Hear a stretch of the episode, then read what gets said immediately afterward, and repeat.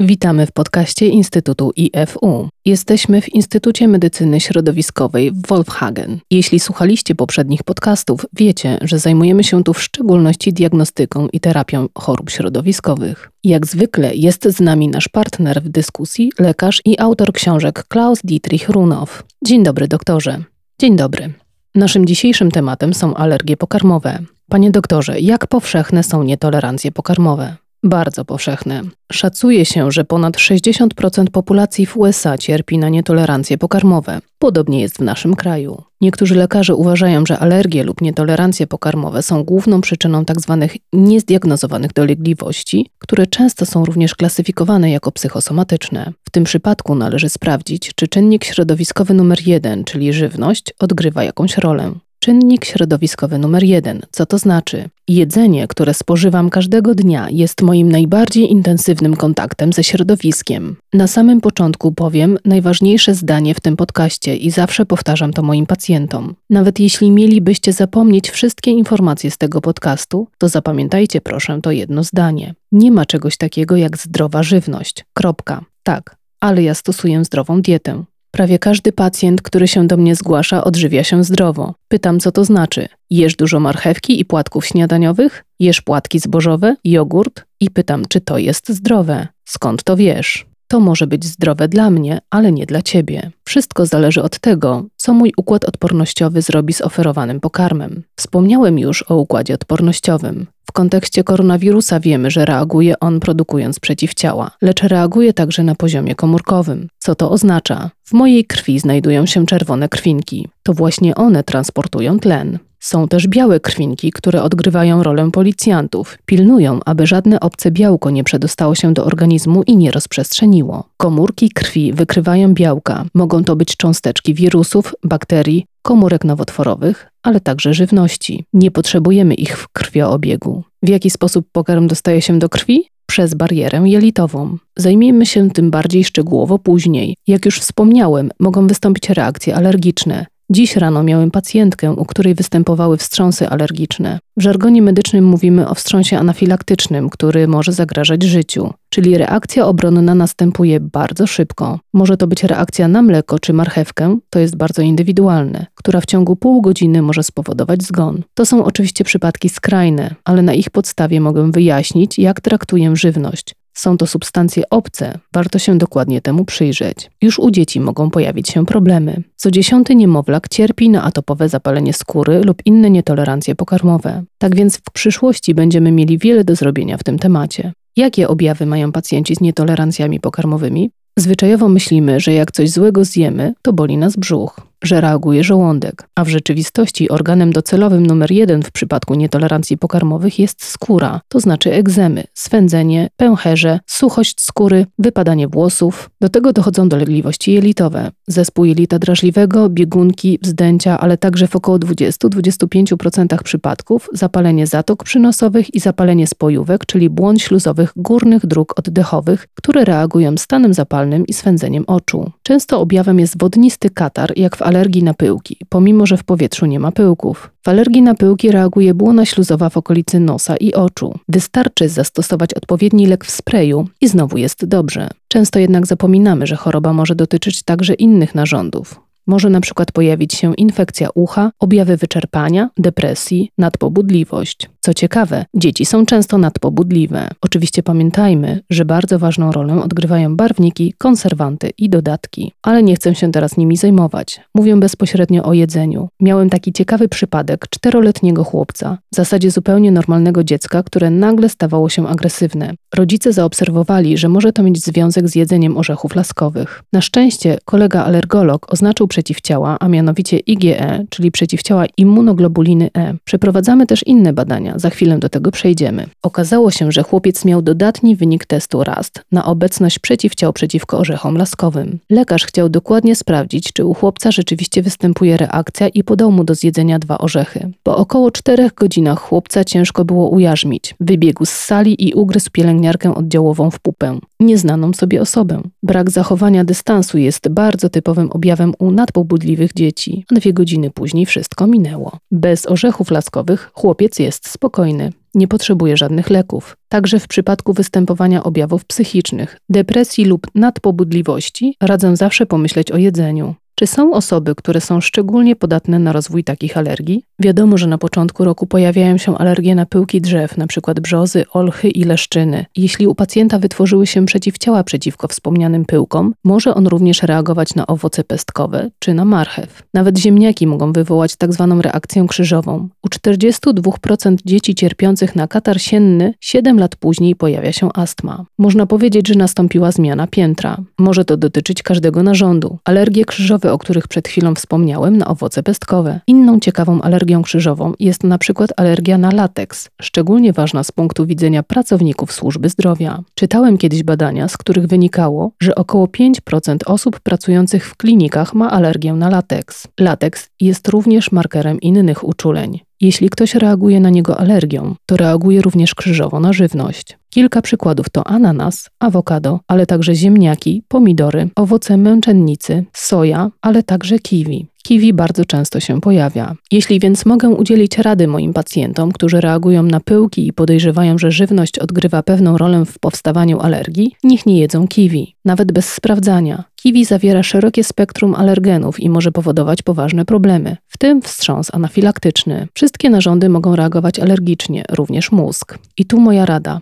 W przypadku wszystkich zaburzeń neurologicznych niejasnego pochodzenia, w tym depresji, ataksji, zaburzeń koordynacji ruchowej, proszę pomyśleć o zbożach. Jeśli występują reakcje neurologiczne, także neuropatie, a nawet niejasnego pochodzenia demencja, proszę przeprowadzić diagnostykę w kierunku nietolerancji pokarmowych, zwracając szczególną uwagę na zboża i gluten. Czy istnieje zatem coś takiego jak zdrowa żywność? Nie. Nie ma czegoś takiego jak zdrowa żywność. Jest żywność ekologiczna, ale można mieć alergię na różne produkty ekologiczne. Miałem pacjenta z bardzo ciężką chorobą skóry. Nie wiedzieliśmy, co było przyczyną. Pacjent nie był uczulony na pyłki. Na początku nie wiedziałem, co to jest, ale od kolan w dół miał bardzo silną wysypkę, krwawiące krostki. Pacjent był rolnikiem, więc pomyślałem, że winne są buty, gumowce czy coś w tym rodzaju. Najpierw podałem mu glutation i witaminę C we wlewie, ale to nic nie pomogło. Myślę sobie, co mu jest, co mogę dla niego zrobić. Zacząłem szukać przyczyn wśród czynników środowiskowych, w żywności i znaleźliśmy to, czego szukaliśmy dzięki testowi transformacji limfocytów, w którym jako przyczynę zidentyfikowaliśmy pszenicę, marchew i drożdże piekarskie. Drożdże piekarskie są spokrewnione z drożdżami piwowarskimi, a nasz gospodarz codziennie wieczorem wypijał kufel piwa. Normalnie nie ma w tym nic złego, ale w tym przypadku powstawała silna reakcja, którą można było zaobserwować w wynikach badania krwi. W związku z tym zabroniłem mu spożywania drożdży i piwa. Co do marchewki, to nie bardzo rozumiał o co chodzi. Mówił, że je marchewkę codziennie i niczego nie zauważa. To jest bardzo ważna kwestia. Nie możemy myśleć, że od razu coś zauważymy. To, co dziś zjemy, będzie miało na nas wpływ przez kolejne 3-4 dni. Jest to tak zwana reakcja późna. Takich późnych reakcji alergicznych nie jesteśmy w stanie wykryć za pomocą zwykłych testów alergicznych, czyli testów skórnych i tym podobnych. W tym celu należy wykonać inne badania krwi. Osobiście wykonuję badania limfocytów i przeciwciał w kierunku różnych pokarmów. A jaką terapię zaleca Pan w przypadku alergii pokarmowych? Kiedy już zidentyfikujemy wrogów, jak w przypadku rolnika, o którym przed chwilą wspomniałem, on już wie, że na razie musi unikać marchwi i pszenicy. Zawsze zalecam unikanie pokarmów, które w testach dały wynik pozytywny przez około 2-3 miesiące. Następnie można je ponownie włączyć do diety, ale wtedy raczej w formie diety rotacyjnej, czyli powoli próbować włączać produkt co czwarty dzień. Rolnik na przykład znów toleruje marchew, ale nie codziennie. Musi więc robić sobie małe przerwy. Krótko mówiąc, terapia oznacza, że jeśli znam wrogów, mogę sobie z nimi poradzić. Mogę na początek odstawić silne alergeny, a lżejsze rotować w rytmie czterodniowym, aby odbudować jelita. Dodatkowo wykonujemy badania stolca i układu pokarmowego. Chętnie przepisuję bifidobakterie, szczególnie ważne u dzieci, które mogą nawet obronić nas przed negatywną reakcją na gluten. To bardzo ważna wskazówka. Bifidobakterie smakują zupełnie neutralnie, więc można je zmieszać z jedzeniem. Podaję także enzymy, bo bardzo ważne jest poprawienie trawienia pokarmów. Enzymy trawią jedzenie, rozkładają je, dzięki czemu nie wywołuje ono tak silnych reakcji alergicznych. Więc nawet jeśli zjem alergen, ale przyjmę enzym, to nie będę miał tak ostrej reakcji. Zmiana diety zawsze brzmi tak negatywnie. Dieta nie jest karą, dieta jest szansą. I jak już powiedziałem, najpierw muszę dowiedzieć się, gdzie są moi wrogowie, wykonując odpowiednie testy. Podaję również składniki odżywcze, które zamykają barierę jelitową, a mianowicie witaminę A, koenzym Q10, minerały, a w celu wsparcia bariery jelita można również podać glutaminę 1 do 2 gramów i kwas masłowy. Brzmi strasznie chemicznie, ale kwas masłowy jest produkowany przez nasze bakterie. Bakterie probiotyczne rozkładają celulozę, czyli pokarm roślinny, warzywa, owoce na krótkołańcuchowe kwasy tłuszczowe, a kwas masłowy jest takim krótkołańcuchowym kwasem tłuszczowym. To taka benzyna dla naszych komórek jelitowych. Oczywiście dzięki bakteriom jelitowym można wyprodukować więcej kwasu masłowego w jelitach, ale można też przyjmować kapsułki. Na przykład na zapalenie jelita grubego przepisuję także czopki z kwasem masłowym. Mają one bardzo pozytywny wpływ na całe jelito. Tak oto w kilku słowach można opisać działania, które można zalecić pacjentowi. Są one bardzo pomocne. O jelitach wspominaliśmy już kilkakrotnie w poprzednim podcaście. I jaką rolę odgrywa tu bariera jelitowa i jelitowy układ odpornościowy? Układ odpornościowy jelit jest bardzo ważny. Jego stan sprawdzamy za pomocą analizy stolca i jakości trawienia. Nawiasem mówiąc, badania są wykonywane w USA, w Atlancie. Oferujemy szeroki zakres badań DNA. Praktycznie wystarczy jedna probówka, aby móc zbadać wirusy, pasożyty, bakterie. Przyglądamy się, jak funkcjonuje układ trawienny, a także nasz układ odpornościowy. I tu sporą rolę odgrywa SIGA, czyli wydzielnicza immunoglobulina A. Są to przeciwciała, które znajdują się na błonach śluzowych i chronią nas przed atakami. Ich poziomu nie da się zmierzyć we krwi, tylko trzeba zrobić wymaz z błony śluzowej, przykład wymaz z jamy ustnej lub zrobić badanie kału. Poziom wydzielniczej immunoglobuliny A jest o tyle ciekawy, że kiedy spada, to świadczy o niedoborze odporności w jelitach. Jednym z czynników zaburzających poziom SIGA jest stres. Stres psychologiczny niszczy wydzielnicze przeciwciała IgA, a to powoduje, że w jelitach rozprzestrzeniają się zarazki, rosną grzyby, a same jelita stają się bardziej przepuszczalne. Przeciwciała SIGA chronią nas jak tarcza. Jeśli tej tarczy brakuje, to zwiększa się przepuszczalność jelit. Wtedy bakterie i składniki pożywienia mogą przedostać się przez ścianę jelita do krwiobiegu, gdzie są atakowane przez komórki odpornościowe, o których już wspomniałem. Komórki odpornościowe indukują reakcję obronną w postaci alergii lub nietolerancji typu wczesnego lub typu późnego. Dlatego też w terapii ważne jest ponowne zamknięcie bariery jelitowej. To jest bardzo ważne. Wiele chorób przewlekłych, w tym choroby autoimmunologiczne, ma związek z zaburzoną barierą jelitową. Napisałem na ten temat artykuł, który jest dostępny na zapytanie w naszym instytucie. Związek między chorobami autoimmunologicznymi a barierą jelitową oraz wydzielniczymi immunoglobulinami A. Jakie badania przeprowadza się w Pana praktyce? Jeśli chodzi o nietolerancje pokarmowe, szczególną uwagę zwracam na reakcje późne. W tym celu badamy żywe komórki krwi we współpracy z niemieckim laboratorium. Bierzemy żywe komórki i konfrontujemy je z 25 pokarmami. Następnie w laboratorium obserwuje się, czy w ciągu tygodnia nie wystąpiły reakcje, czy komórki stały się agresywne. Po tygodniu dostajemy wyniki z laboratorium, które pokazują nam, jakie wystąpiły reakcje immunologiczne typu późnego, a więc nie mają one nic wspólnego z natychmiastowymi reakcjami, które wywołują wstrząs. Są to zupełnie inne reakcje immunologiczne. Reakcje typu późnego są dla nas bogatą informacją. Jak powiedziałem, przeprowadzam też analizę stolca i trawienia, która pozwala mi odbudować barierę jelitową za pomocą mikroorganizmów i probiotyków. Tak więc są to główne badania dotyczące żywności. Jeśli to nie wystarcza, sprawdzam także jaki jest poziom przeciwciał. A w tym zakresie mamy oczywiście bogaty program. Badamy 180 rodzajów żywności w postaci gotowanej, surowej i zmodyfikowanej. Dokonujemy pomiaru dwóch przeciwciał IgA i IgG